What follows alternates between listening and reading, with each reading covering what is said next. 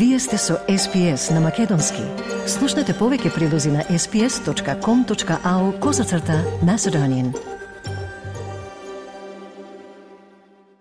Во денешниот билтен, парламентот ќе биде свикан оваа недела, додека без е дебатата за владиното планирано ограничување на цената на гасот.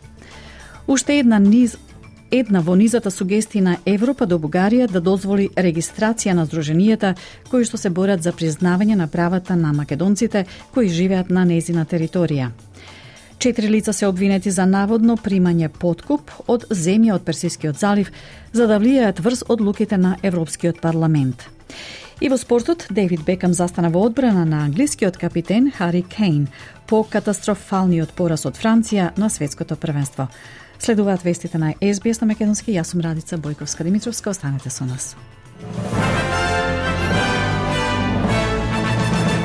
Парламентот треба да биде свикан оваа недела, поточно овој четврток, бидејќи сојузната влада се обидува да се усвои планираното ограничување на цената на гасот пред Божик.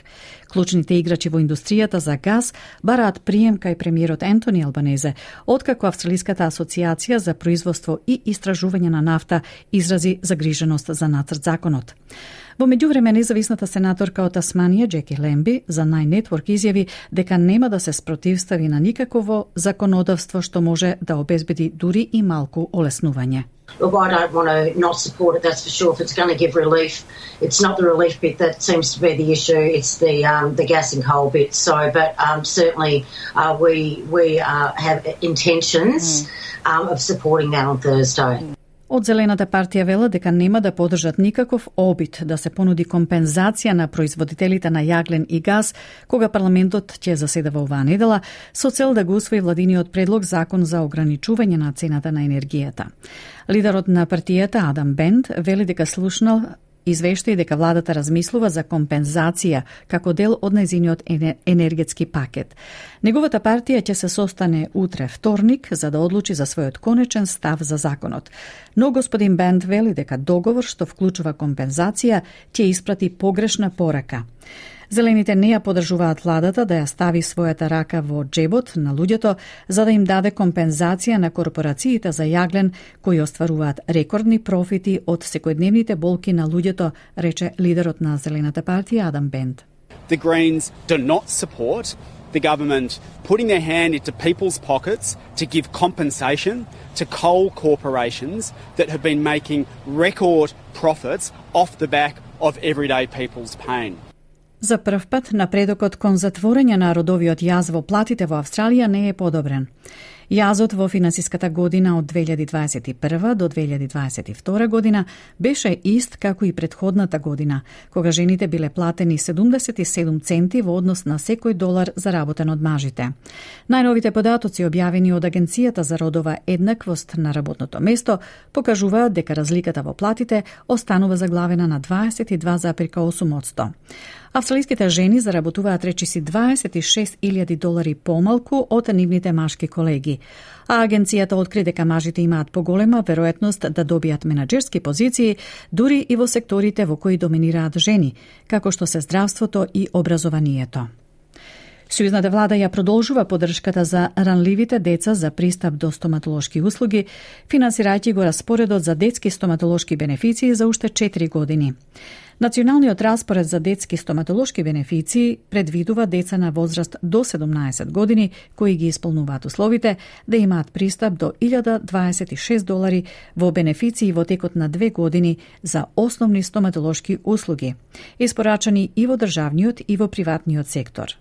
Министерот за здравство Марк Батлер вели дека тоа е важна програма, особено за руралните, одалечените и домородните заедници, бидејќи во моментов голем број семејства се под огромен финансиски притисок. We know households are under enormous pressure financially right now, but these services are free of charge and they're overwhelmingly bulk billed if you're going to a private dentist and you're eligible for the Childhood Dental Benefits Scheme.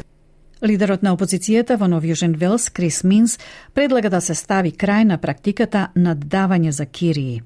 Предлогот доаѓа пред изборите во март и во услови на вртоглаво зголемени кирии во Сиднеј и регионалната околина.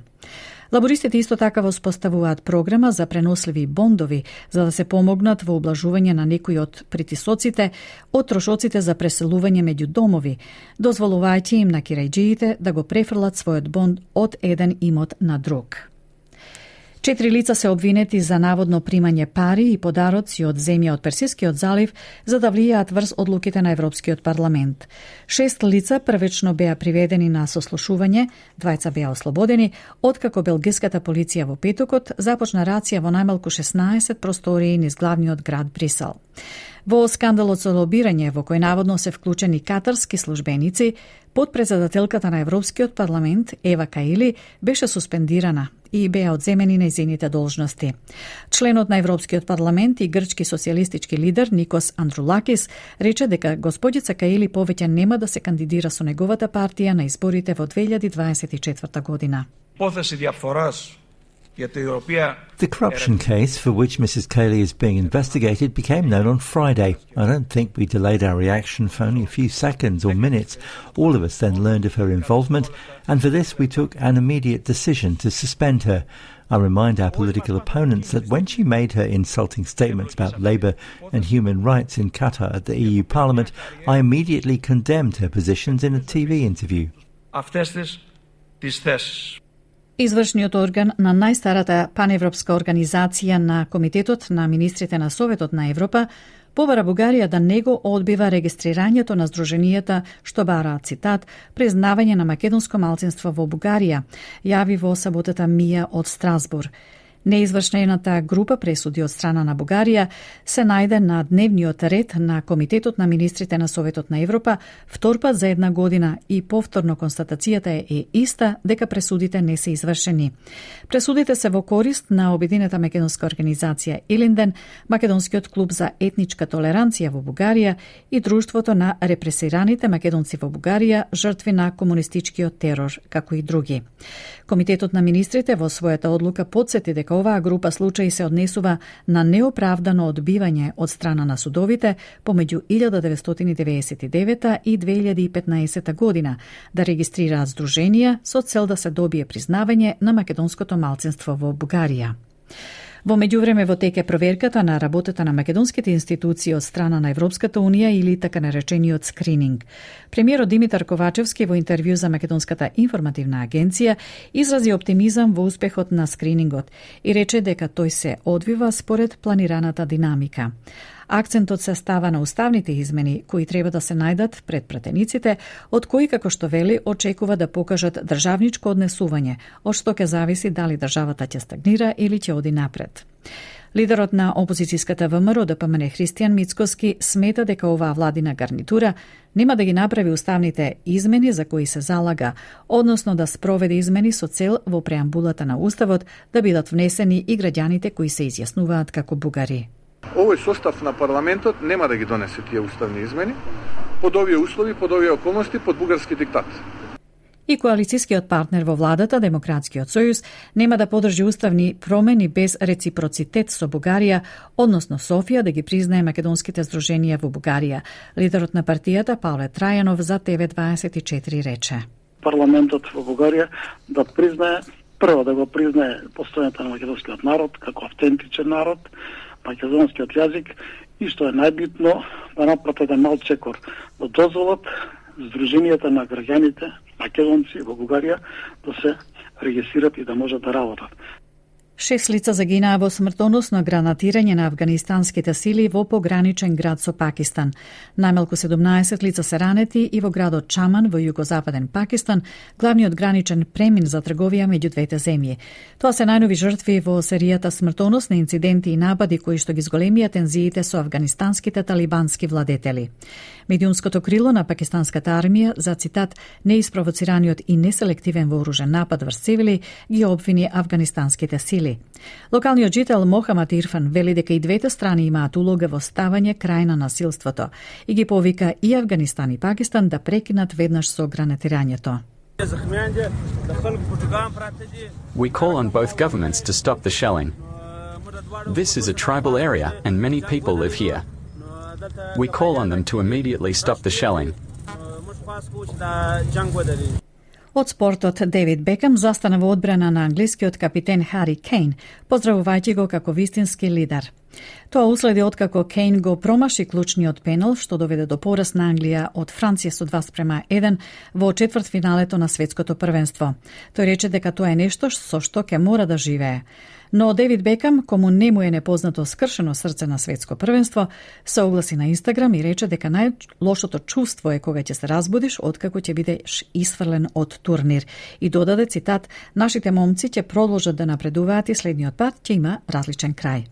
Бекам беше исклучен за време на поразот на Англија од Аргентина во 1988 година во осми на финалето поради неспортско нервозно шутирање, инцидент за кој во тоа време претрпе многу малтретирање.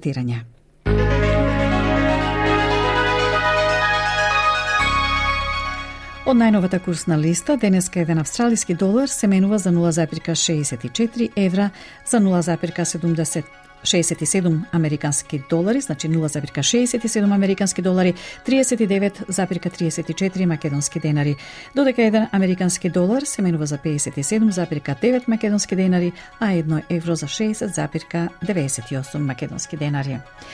Еве анако со и временската прогноза за главните градови за утре, вторник, 13 декември. Перт делумно облачно, максималната ќе се искачи до 27 степен.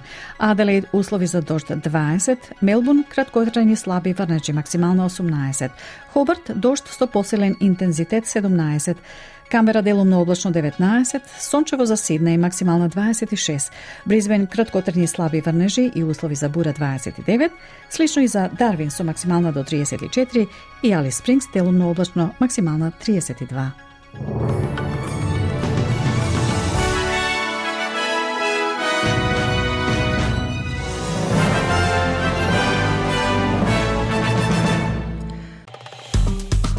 Стиснете, ми се допаѓа, споделете, коментирајте. Следете ја SPS на Македонски на Facebook.